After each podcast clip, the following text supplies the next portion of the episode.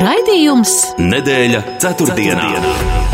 Sabiedrībā zināma cilvēku diskusija par nedēļas aktualitātēm katru ceturtdienu pēc pulksten 17. Nedēļa ceturtdienā. Projektu finansē Mēdīju atbalsta fonds no Latvijas valsts budžeta līdzekļiem.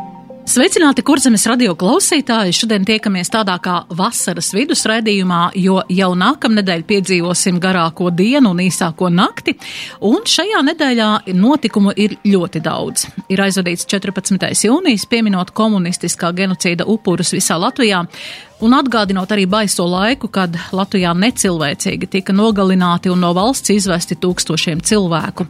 Joprojām Ukrainā turpinās karš, cīņas notiek Severodoņetskā un citos Ukrainas austrumu reģionos. Ukraiņu karavīri apliecina lielu drosmi bet ļoti svarīga šajā karā ir rietumu palīdzība ar līdzvērtīgu bruņojumu un munīcijas piegādēm. Latvijā šonadēļ kopā ar Ukrainas aktīvistiem notiek arī Rīgas Praida nedēļa. Tā noslēgsies ar gājienu par brīvību, tas būs sestdien, un, protams, sabiedrībā nav viennozīmīga viedokļa par šīm aktivitātēm. Šodien pie saimas ēkas pulcējās apmēram 3000 pedagoģu piketā, ko rīkoja izglītības darbinieku arotbiedrība. Piketu un pedagoģu prasības politiķiem atbalstīja arī Latvijas Brīvo arotbiedrību savienība. Un jau nākamnedēļ Latvijā svinēs Jāņus, un kā katru gadu arī šogad neizpaliks skroderdienas silmačos, un to varēs vērot vairākās vietās Latvijā. Savukārt Latvijā pazīstamā grupa Labvēlīgais tips šogad svin 30 gadus un izsludina koncertu sēriju Latvijā. Kādas no tēmām šodien aplūkosim plašāk, tādēļ raidījumā šodien piedalās Zentas Mauriņas, Grobiņas vidusskolas direktoras vietnieks Kaspars Politers. Labdien! Labdien! un žurnālists TV24 raidījuma vadītājs Kārlis Streips. Labdien! Labdien! Un man jau skungi tāds ievad jautājums. 14. jūnijas traģisko notikumu Latvijas vēsturē atcere un upuru pieminēšanas diena ir aizritējis jau 81 gads. Kā šodien izjūtam šos notikumus? Šodien pie tam mēs neesam bijuši tieši šajā notikuma virpulī, bet mēs zinām, šie notikumi paliek aizvien senāki, bet tomēr tas, kas notiek Ukrainā un kā uzvedas uh, tepat blakus Krievija um, pret uh, postpadomu valstīm un, un šī attieksme, kā ir šogad, vai mēs izjūtam šo genocīdu piemiņas, šo upuru piemiņas dienu un šos notikumus tā skaudrāk, īstāk, vai tomēr, nu, tā kā, tā kā ikdienā? Sākšu ar jums, Kārli. Nu, es sākšu ar to, ka, manuprāt, ir Latvijā pārāk daudz to melnā karoga dienu, it īpaši tā, kas būs rīt, jo pareizi pateica kādreiz Ivars Ījāps, parādiet citu tautu, kas liek izskārt karogus, lai pieminētu savu okupāciju. Bet attiecībā uz 14. jūniju es katru gadu atceros, ka cita starpā tika izsūtīti manas mammas divi brālēni, 8 un 12 gadu vecumā kopā ar saviem vecākiem. Vecāki abi nomira vēl kara laikā un izsūtījumā tēvs darba darba nometnē māte no pārstrādāšanās. Viņi kļuva par bāriņiem. Laimīgā kārtā viņi atrada mammas draudzeni, kas viņus pieskatīja un uzpasēja. Viņi abi atgriezās, atgriezās mājās Latvijā ar, ar attiecīgajām problēmām. Bet uh, Ivars Bone, tā viņam vārds, viņ, viņam bija sieva Gaļīna, kas bija ļoti jauka sieviete. Viņa ļoti labi prata latviešu valodu, te, nu, lai gan pati bija no Sibīrijas krieviete. Teica, viņa zināja, ka bija citā valstī vajadzēja iemācīties valodu, un viņa izaudzināja dēlu, kurš jau tagad labu laiku ir Latvijas diplomātiskajā dienestā. Jā, ļoti plašs ieskats šajā, šajā notikumā un visu, visu šo eh, tāds izklāsts. Kas par, kā jums šī upuru piemiņas nu, diena? Man šī diena arī, eh, man vecās mātes eh, ģimenē gan brāli, gan, gan māsu izsūtīja, un katru reizi, kad braucu ap, apciemot kapus, tad turpat blakus ir ir eh, šo, šo ģimeņu kapvieta, kur arī ir pierakstīts eh, arī Sibīrijā palikušajiem. Un, nu, man jāpiekrīt noteikti Streipkungam par tom uh, melnajām dienām. Nu, manuprāt, uh, nu, katrai ģimenei tas, tas ir ir viņu izsāpēta lieta, un, un viņi piemin, un ko. Un es, es uzaugu, es atceros 80. gados, un man vecā māte stāstīja par šīm lietām, un, un katru reizi, kad skanēja PSRS himna krieviski, kur bija minēts, kad uh, nekur nav tik brīvu cilvēku, viņa izlaboja to, uz kur nekur nav tik daudz vergu. Jā, tā kā nu, man šīs dienas vairāk kopā veido šo atmiņu, nu, tā viena diena, kad, vai, vai kā tas, tas mazāk vienkārši tā ir tā, tā manas ģimenes lieta. Jā, bet mēs zinām, ka Krievijā, un šobrīd tas ir īpaši redzams, kā patiesībā tiek viltota un pārrakstīta vēsture. Un eh, mēs zinām, ka eh, Krievijas domē arī notiek šīs diskusijas par to, kad atzīt par nelikumīgām šīs te neatkarības, gan sākot ar Lietuvu, ja, un pie Lietuvas neapstāties, ja, ka tā varētu būt Baltija, arī Ukraina tie ir tādi patiesībā, nu, nu vērā ņemami draudi šodien. Kas par kā jums šķiet? Es domāju, ka tā ir vairāk tāda retorika. Man pat to, to pirmā reize izdzirdot to argumentāciju, kāpēc Lietuva, ka Lietuva redz uh, tika iekļauta PSRS sastāvā bez, bez tiem apgabaliem, ko viņi tagad ir dabūjuši klāt. Es tā nodomāju, nu varbūt Latvija neliek tāpēc, ka tā dod mums atpakaļ. Līdz ar to, nu, man liekas, ka nu, tā ir. Lietuvā tāda... tur arī ir Kaļiņingrads, apgabals šis te faktors darbojās. Jā, nu, nu tas jā, bet, nu, katrā ziņā, nu, nu tāds nopietns iespējas tur nepaliek, un, un es, es arī, nu, tā kā to krievu valodu tīri labi pārzinu, tad tas. Tos brīvos krievu paklausoties, nu, tur tas, tas tas deputāts, kur runāja, nu, viņam bija galvenais uzvara karā, un tas visu, visu likumus tālāk ir uzstādījis, un, un, un, un vairāk bija tāda tā retorika. Jā, Kārli, kā jūs redzat šo? Nu, sāksim ar to, ka es esmu lasījis pēdējā laikā diezgan daudz, kas liecina, ka Putins ir Kremļa fašists, kā es viņu saucu, ir ļoti, ļoti slims ar vēzi un ar Parkinsonu un ar dažādām citām slimībām.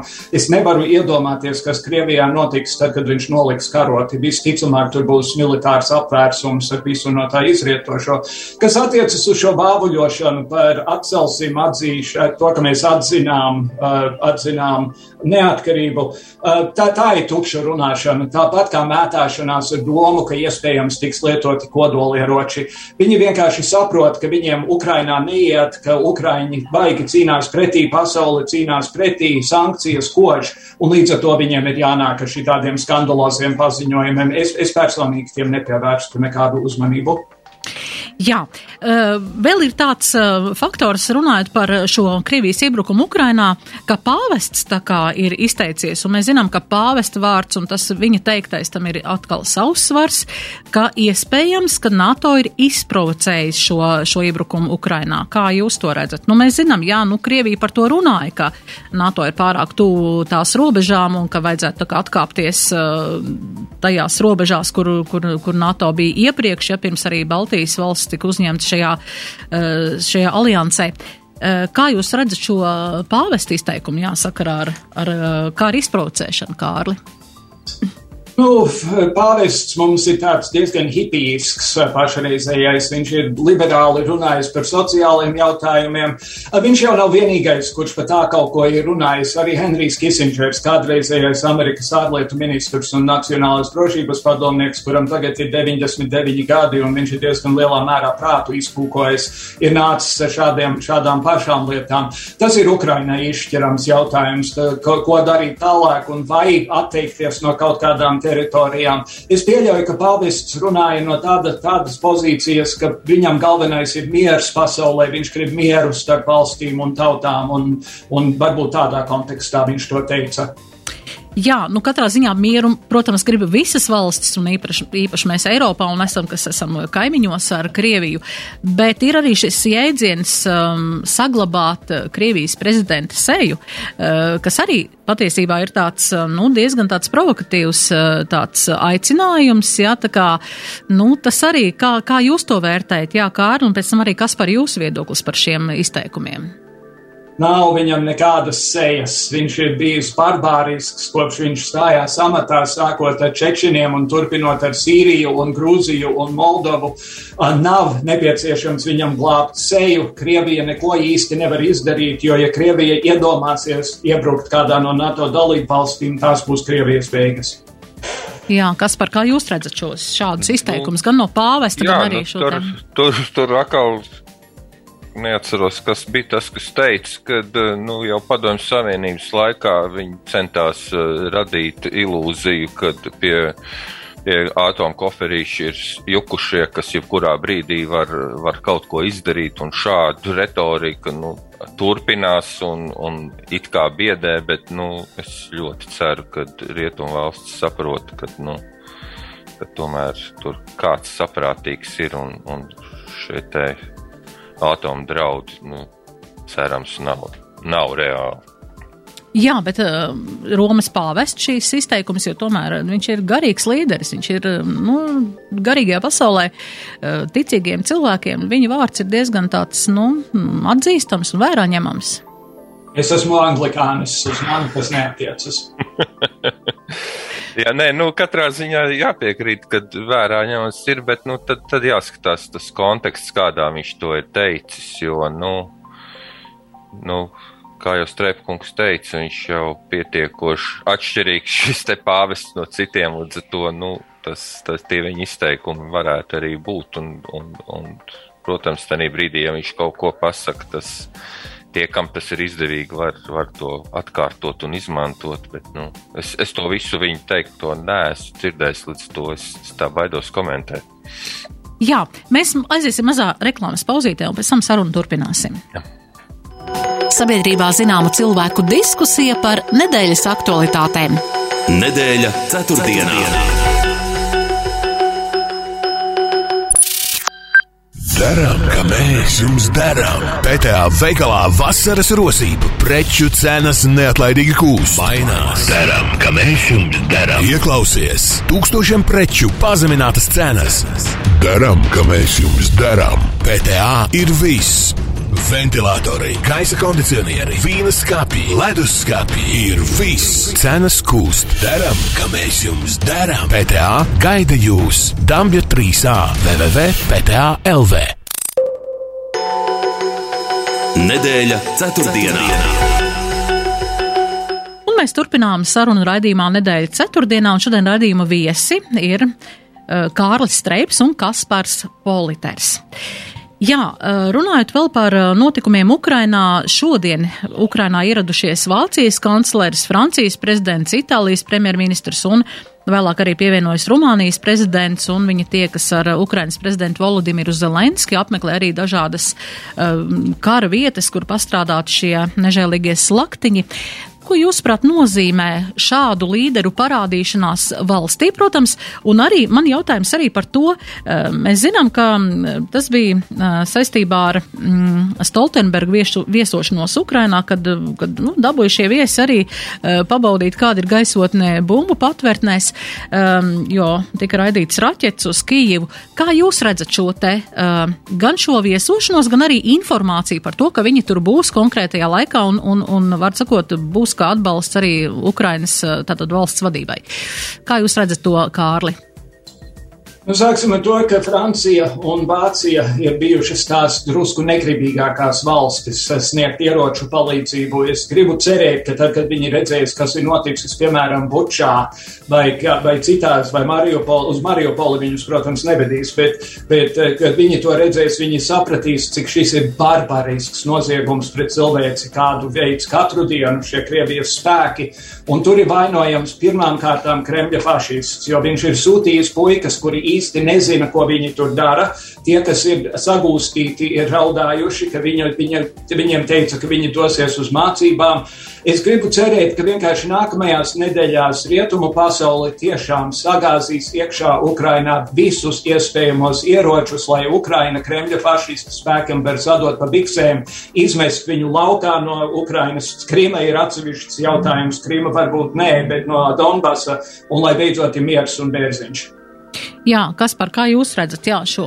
Nu, nu, ļoti noteikti šis būtu tas brīdis, kad, kad būtu jāsagaida no šiem trīs valstu vadītājiem tāda stingrāka nostāja un atbildes par to, kas, kas te notiks. Jo, jo tiešām šīs te franču ilgās sarunas ar Putinu un, un vāciešu solījumu un viss pārējais, nu, kas, kas tiešām neatstāja īpaši labu iespēju. Jo, nu, tad gaidām vakarā kaut kādas konkrētas ziņas, vai ir kaut kāda lēmuma, vai viņi ir atbraukuši ar kaut kādu atkal sejas saglabāšanas piedāvājumu tikai. Jā, katrā ziņā gaidīsim jā, rezultāts no šīs tikšanās un no šīm uh, savstarpējām sarunām. Mēs zinām, ka arī Zelenska kungs ir apsolījis un apņēmies arī piedalīties G7 valstu uh, šajā sanāksmē, kas uh, notiks. Uh, notiks Spānijas galvaspilsētā. Jā, vēl Turcijas prezidents Erdogans, uh, Reģeps Taips Erdogans paziņojas, ka šonadēļ plāno atkal jaunas sarunas ar Krievijas prezidentu un arī ar Ukrainas prezidentu par šo graudu koridoru izveidu no Ukrainas. Uh, patiesībā tas ir tāda, nu, tāda laba ķīla Krievijas rokā šie graudi. Kā jūs redzat uh, risināt to, ir piedāvājums tā kā, nu, arī caur, mm, var sakot, no no Ukrainas, nevis caur Krieviju, bet, uh, var sakot, caur, caur citām valstīm, uh, piegādājot, uh, ceļot šos termināļus, ko piedāvājas ASV. Um, cik ilgi varētu tas nostrādāt kā ķīlis, kā ķīla, lai, lai nu, šie graudi būtu nu, tāds labs iegansts, lai, lai pasauli piekāptos Krievijas prezidenta idejām un at, varētu atvērt šos te graudu koridorus. Kārli, kā jūs komentētu šo? Erdogana. Nu, galvenā problēma, protams, ir tā, ka, ka, ka Kremļa fašistu spēki ir nobloķējuši visas Ukrainas ostas. Tas ir sākot ar to. Uh, es ceru, ka tiek doti ieroči, kas ļaus gremdēt tos kuģus, tāpat kā Maskava tika, tika nogremdēta. Attiecībā uz graudu ceļiem uh, riet, rietumi jau ir atraduši alternatīvus veidus, kā dabūt naftu un gāzi bez Krievijas iesaistes. Es gribētu cerēt, ka rietumi pat labam liek ļoti lielu spiedienu uz Lukašenko Baltkrievijā, lai, lai viņu piespiestu tomēr atteikties no šī procesa atbalstīšanas, kā viņš ir līdz šim darījis, un nākt palīgā ar Ukrainas graudu transportēšanu caur Baltkrieviju, caur Lietuvu un tālāk uz, un, un, un, un arī uz, uz rietumiem. Jo Lukašenko viņu, viņu neviens pat labi neatzīst, bet ja viņš grib kaut kādas attiecības ar rietumiem, šis ir tas izdevīgais brīdis. Viņš savulaik piedāvāja Minsku kā vidutāju runāju uh, lielajām sarunām par Donbasu nākotni, kur, kurā piedalījās arī Krievijā. Viņš prot spēlēties ar rietumiem, ja, ja viņam tas liekas izdevīgi. Jā, nu, Lukašenko faktors šajā visā ir ļoti tāds, um, viņš var nospēlēt gan uz vienu pusi, gan uz otru pusi. Kas par kā jūs redzat šo graudu nu, koridoru? Te jau bija ziņa par to, ka uh, pol, Polijas pierobežā tāda graudu pārkraušana notiek, jo, nu, tur Pēc manas saprašanas tā dzelzceļa sliežu platums e, Baltkrievija, Baltija un Ukraina ir viens platums un poļiem cits. Līdz ar to ir vai nu ceļš caur Baltkrieviju, vai tad e, Polijas, Ukrainas robežas ir kaut kāds pārkraušanas punkts. Jo, nu, Ukraiņi jau paši nav gatavi atmīnēt tās savas ostas, jo tad viņi paliek e, apdraudēti, ne tikai jau tie kuģi tur pa gabalu kaut ko apdraud, bet lai arī tas desants netiek iekšā tais ostās. Tā kā, nu, skatīsimies. Nu, Jā, Man jau ticamāks liekas tas caur to poliju, tas, tas var ceļš. Katrā ziņā bet, drošāks un tāds. Jā, bet nu, šobrīd jau kara darbība jau notiek jau tur, kur, kur tie graudi jāsēj un būs jaunā rāža.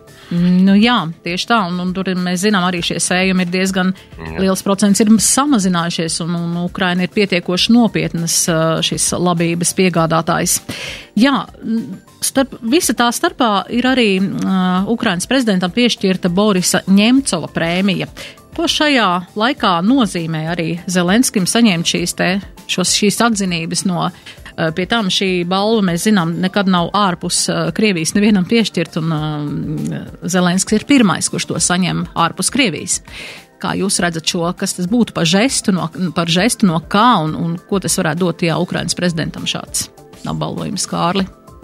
Es domāju, ka tas ir daļēji tāpēc, ka Krievijas opozicionāri ļoti priecājas par to, ka Ukraina Kremļa fašistam pat labam dod tas nuķi diezgan pamatīgi. Tas ir pirmkārt.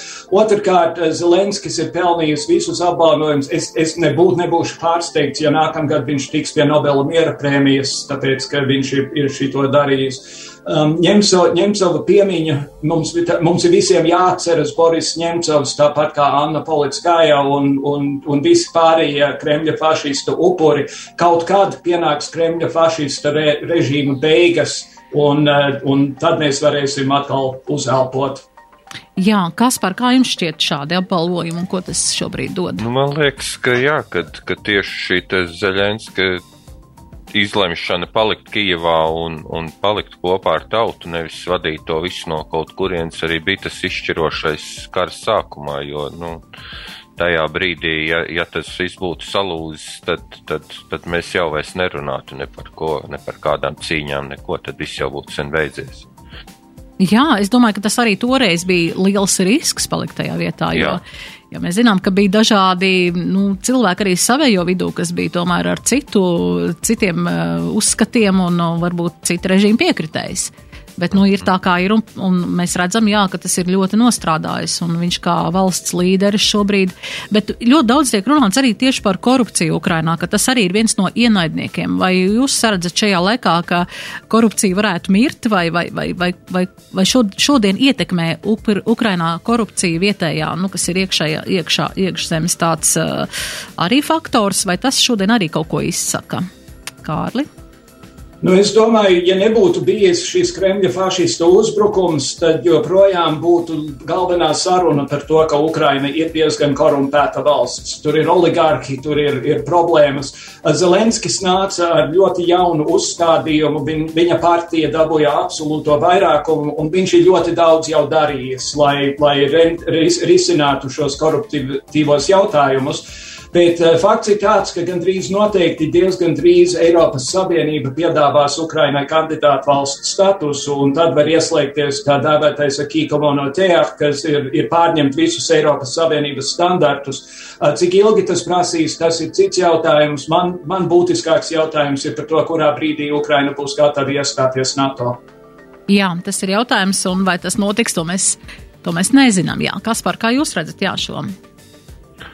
Nu, par korupciju. Te jau arī izskan mm. tas, ka arī šī paša kara laikā vēl tur notiek kaut kādas aizdomīgas lietas, un ko tā kā, nu, visticamāk, tā ir liela problēma. Un, un tikko karš būs beidzies, tad, tad Ukraina noteikti būs, pārņemot arī Eiropas pieredzi, būs, būs jācīnās. Un tas, mēs jau pēc Latvijas redzam, ka tas nav viegls process, bet, nu, ja iet, tad, tad var nonākt galā. Ja neiet, tad nekur nenonāks. Jā, nu katrā ziņā vēlam tiešām Ukraiņu tautai nepazaudēt šo drosmu un šo, šo varonību aizstāvēt savu zemi un arī ne tikai aizstāvēt, bet arī izdzīt ienaidnieku un okupantu no savas valsts teritorijas, vismaz tajās robežās, kur tas bija pirms 24. februāra. Jā, kāda cita tēma, protams, cīņas notiek arī citos laukos, un uh, mēs zinām, ka šodien Rīgā notika pikets. Piketā bija pedagogi, izglītības darbinieki, uh, to rīkoja Latvijas izglītības zinātnes darbinieku arotbiedrība un arī arī atbalsts ir no Latvijas Brīvo arotbiedrības savienības, un mēs zinām šīs prasības, ja tā tad sabalansēt darba slodzi pedagogiem, arī atalgojuma palielināšanas grafiks saskaņā ar noteiktiem principiem, kādi tie jau bijuši, un arī e, šis te finansējuma sadale, sadales mehānisms, un arī, protams, sakārtotais skolu tīkls un izglītojamo skaits viss samērīgās proporcijās, un arī um, es nevaru nepieminēt arī to, ka uh, pašu pedagogu uh, šīs profesijas prestižs, tas ir ļoti, ļoti tie tādi svarīgi jautājumi, kas jārisina. Bet, nu jā, pikets pārsvarā bija par atalgojumu un par šo slodzi. Kas par varbūt jūsu skats uz šo vai arī no, no jūsu skolas kāds piedalījās un kā jūs redzat, jā, risinājumu pēc piketa un vispār, nu, šādu um, tiesību pieprasīšanu, um, jā, kā tas varētu vainagoties ar kādiem rezultātiem? Nu, nu es jau ceru, ka kārtējo reizi kad jau sākam protestēt, tad arī, arī kaut ko panāksim. Uh, arī no mūsu skolas devās uh, skolotāji uh, piedalīties. Es, šogad mēs mācījām matemātiku 12. klasē, un es paskatījos. 12, pēdējos 12 gadus mums ir bijuši astoņi izglītības ministri. Uh, neviens ilgāk par divu gadu nav nostrādājis, līdz ar to katrs nācis ar kaut kādām savām jaunām idejām un ko. Nu, arī šī ministra visticamāk jau, jau Ziemassvētkus nesagaidīs savā amatā. Nu, nu, par kādu mēs pēctecību varam runāt. Nu, tagad viņi ievieš jaunu šo finansēšanas modeli. Uh, ja iepriekšējais stāstīja, ka vis, visu panākumu recepti būs naudas sakos skolēnam, ka vajag sakārtot skolu tīklu un tā tālāk, tad tagad pasaka, nu, tur, kur ir tas skolu tīkls sakārtots, mēs tomēr nedaudz iesaldēsim, mēs tik daudz neliksim klāt, lai atkal būtu kaut kas godīgi. Tā kā, nu, es domāju, ka šis, šī gadījumā tiešām, nu, arotbiedrība cīnās, un, un, un tur būs vēl daudz sarunas, un būs kaut kādas lietas jāsakārto. Jā, Kārli, kā jūs redzat šo pedagoģu, šo te pilno mēru, jāsaka tā? Jā. Šorīt saimā Viktors Valainis no, no zaļajiem zemniekiem nāca, piedāvāja likumprojektu, kurš būtu uz sitienu atrisinājis visas šīs problēmas un kaunināja kolēģus par to, ka viņi acīm redzot tam teiks nē, un, protams, vairākums arī pateica nē, nevar budžetu plos plēst vaļā tādā veidā. Te man liekas ir pāris lietas. Pirmkārt, par skolotāju algām mēs esam runājuši kopš Jēzus bija pusaudzis. Un tāpat kā ar medicīnu un veselības aprūpi, runā, runā, runā, runā, runā, runā, runā. Bet ko mēs redzēsim šogad saimas vēlēšanu kontekstā, būs milzīgi liela demagoģija no zaļajiem zemniekiem un tiem, kas ir tie pie frakcijām nepiedienīgie deputāti. Mēs jau gribējām, jaunā vara neļāva, mēs jau gribējām. Vai, ja viņi pārņems varu, ja pārņems varu zaļie zemnieki vai dievs pasargi, kokzemes ar šleseru, vai viņi kaut kā nāks patiešām palīgā skolotājiem, es stipri, stipri šaubos. Mēs šo tēmu paturpināsim vēl pēc mazas reklāmas pauzītes, pie šī paša paliksim. Nedēļa ceturtdienā. Reklāma uzņēmējdarbības veicējiem. Meklē finansējumu auto iegādēji, kredītlīnijai, citiem mērķiem vai vienkārši aizdevumu. Oficiālais kredītu salīdzināšanas portāls e-leasing LV ar vienu pieteikumu un bez maksas palīdzēs salīdzināt piedāvājumus no Latvijas kredītiestādēm un bankām.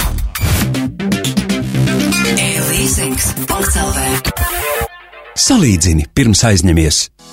Cienījamais meža īpašnieks! Nekautrējies savu meža īpašumu vai cirsmu piedāvāt vairākiem pircējiem, jo tikai tā tu iegūsi augstākās cenas piedāvājumu. Ja tavā mežā ir kaut mazliet bērza, pārliecinies, ka Stiga RM, kā bērza saplākšņa ražotājs ar rūpnīcu Kuldīgā, piedāvā augstāko samaksu par tavu meža īpašumu vai cirsmu.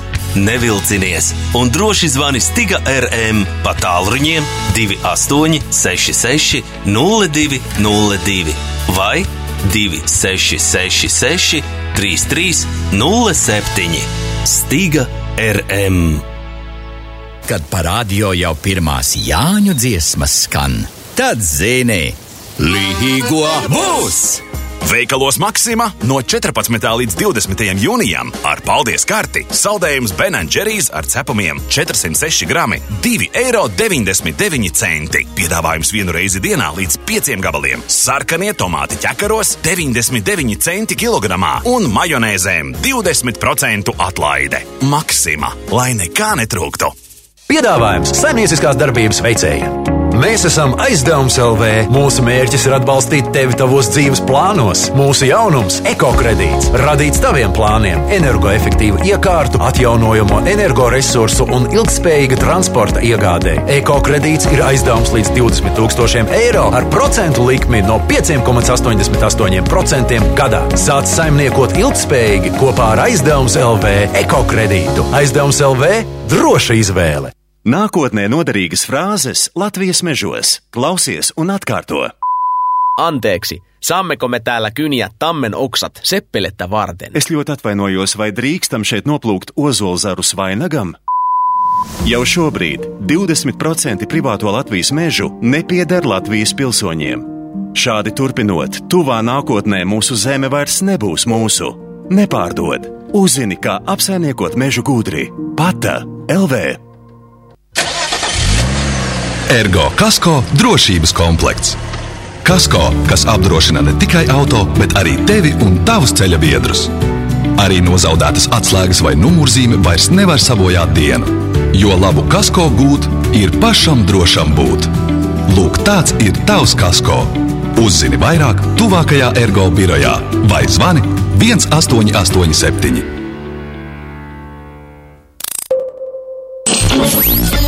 Radio skatuve par vērtībām, kuras nemaina pat laiks. Katru piekdienu pēc pieciem vakarā ar atkārtojumu Svētdienās, četros. Šo piekdienu raidījumā Radio skatuve viesosies Kurzemes radio ilgadējs ēteru cilvēks Andris Grīnvalds. Radio skatuve. Sabiedrībā zināma cilvēku diskusija par nedēļas aktualitātēm. Nedēļa ceturtdienā. Un mēs turpinām raidījumu nedēļu ceturtdienā, un šodien raidījumu viesi Kaspars Politers un Kārlis Streips. Jā, runājam par pedagogiem, par šo eh, piketu, par prasībām, par um, skolotāju, tātad visām šīm slodzēm un, un, un alga, kādas ir prasības šajā, šajā piketā. Bet, ja runājam par uh, profesijas prestīžu, par ko arī šad tad izskan tāds uh, viedoklis par to, ka skolotāja, pedagoga šīs profesijas prestižs ir tieši sasaistāms ar algas lielumu. Vai jūsuprāt, tas tiešām ir faktors, nozīmīgs faktors, lai profesija būtu prestiža? Sākšu ar jums, Kaspar. Nu, es domāju, nebūtu nē. Nu. Kas ir tie galvenie faktori? Kāpēc profesija ir prestiža? Ko mēs esam pazaudējuši? Nu, katrā ziņā, protams, ka ja, ja skolotājs uh, var brīvi strādāt, nedomājot par citām lietām. Tas ir tas naudas jautājums. Ja viņš savu sirdslietu dara, tad, eh, tad protams, arī, arī apkārtēji redz, ka viņš strādā no sirds un tas ceļ prestižu. Bet, protams, eh, ja tagad vidusskolas beidzējiem ir jāskatās un jādomā, kur viņš ies studēt un, un ko ies studēt, tad nu, tas, ko mēs dzirdam apkārt, ir eh, izglītības kvalitāte ir slikta, tas ir slikti, viss ir slikti un tā tālāk. Lai gan nu, īsti skaidrs, ar ko ties, tas, tie mērījumi ir veikti, lai teiktu, ka ir slikti, tas nav.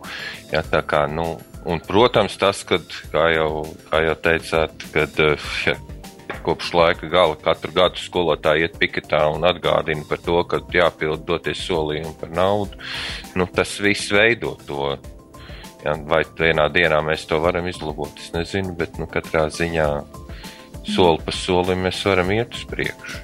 Nu, katrā ziņā es saprotu tā, ka šo prasību kā neņemšana vērā vai kaut kā tā kā liek tā kā, nu, šo profesiju tādā pazemojumā, es saprotu. Tā kā, nu. nu Katrā ziņā nu, Latvijā ir gandrīz 2 miljoni, miljoni izglītības speciālisti. Ja tikko Covid ir beidzies, tad ir atkal par kāru un izglītību. Visi zina labāk, un, un, un tas, tas jau ir, kad katrs var izteikties un, un teikt, un, un arī nepamatot tā kritika, un varbūt tās nu, ministram drīzāk vajadzētu biežāk nostāties un aizstāvēt jomā strādājošos, nevis vēl papildus kurināt kādu. Nu, es teicu, tie astoņi ministri, tad, tad nevarētu teikt, ka visi viņi ir darījuši visu, lai šo prestižu celtu. Mm. Kārli, kāds ir jūsu viedoklis par šo? Es sākšu ar to, ka es 30 gadus esmu bijis pasniedzējis Latvijas universitātē, žurnālistus esmu apmācījies, un man nekad nav, nav bijis galvenais jautājums, lai gan atšķirībā no, no kolēģa Politera, man tas nekad nav bijis nevienīgais, ne arī galvenais darbs un ienākumu avots. Kas attiecas uz, uz skolotāja prestīžu, man jau gribas domāt, ka skolotājs par skolotāju kļūst sirds balss vadīts, un man ir mīļi skolotāji, ko es atceros no savām skolas dienām dienām es pieļauju, ka mums visiem, visiem, visiem ir mīļi skolotāji un skolotājas, kuras mēs atceramies un esam pateicīgi.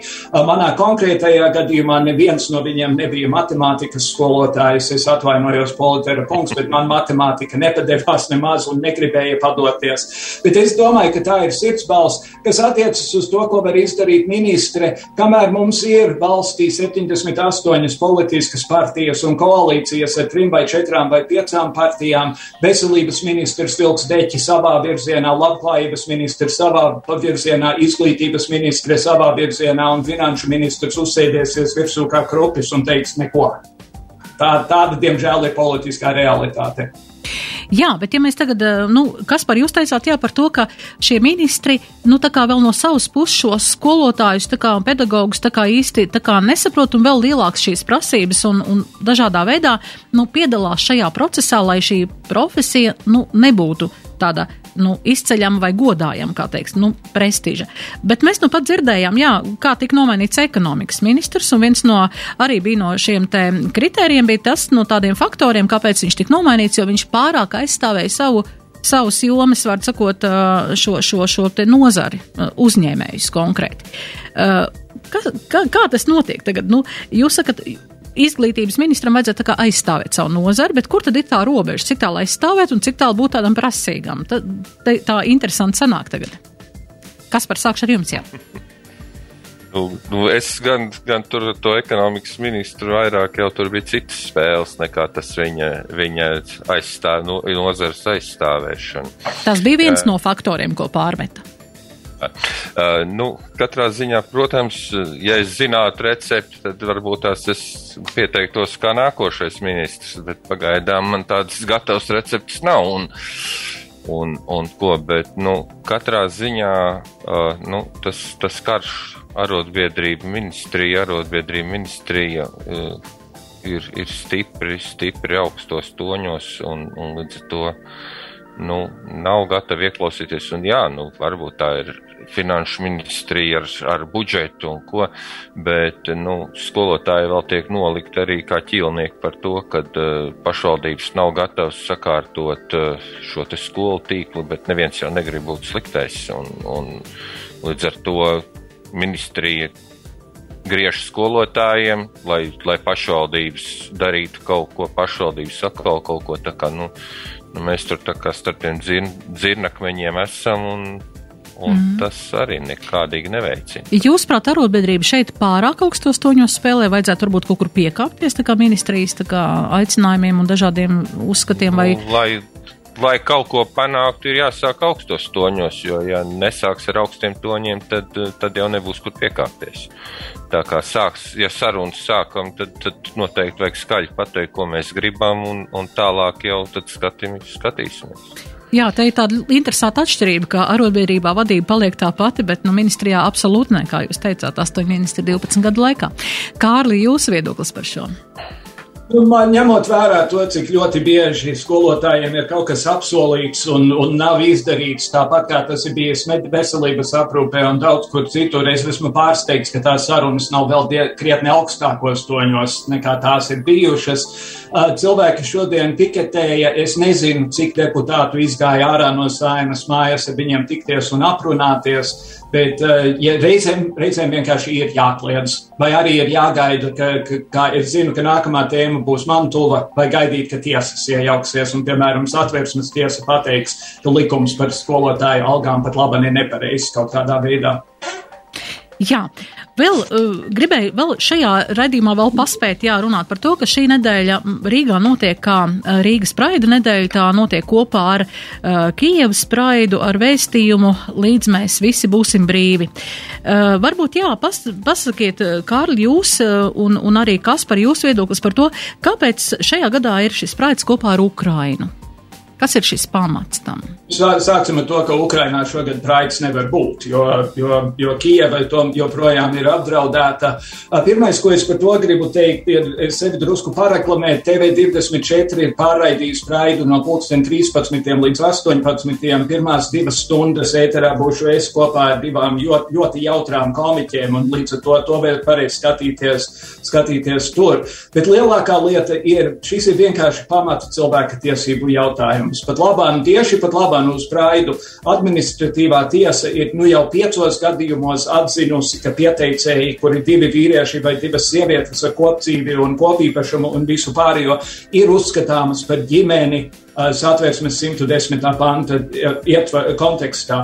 Tas, ka politiķi ir pārāk pļāvi šo lietu atzīt, tā, tā ir, tas ir fakts. Es pieļauju, ka viņi baidās no vēlētājiem ne īsti bez pamata.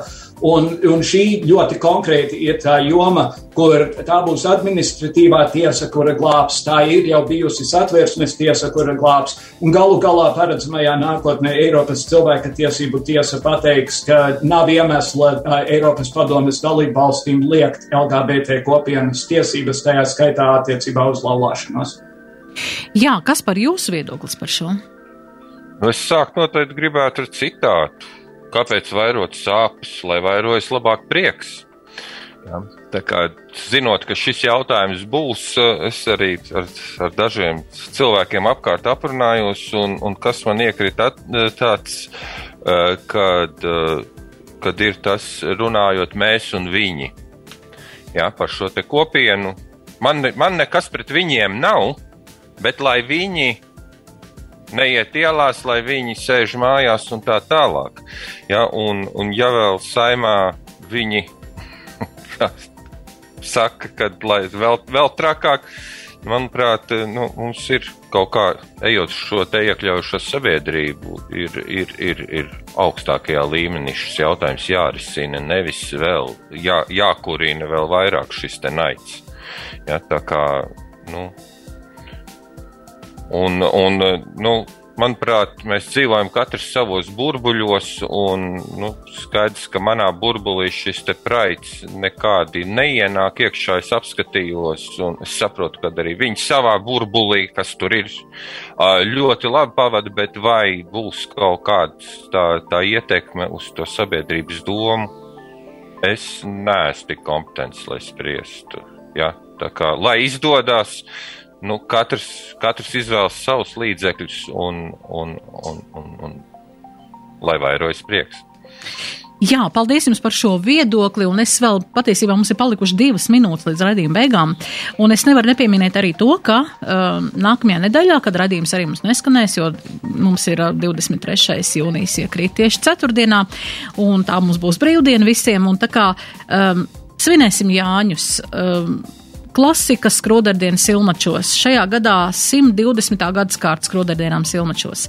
Jūsu uh, Jāņu svinēšanas tradīcijas, jūsu attieksme pret skrodardienām silmačos, vai tas ir jūsu arī pasākums un uh, neatņemama sastāvdaļa, un ko varbūt, jā, kā jūs, uh, kas jums ir šie svētki? Kāra sākšu ar jums.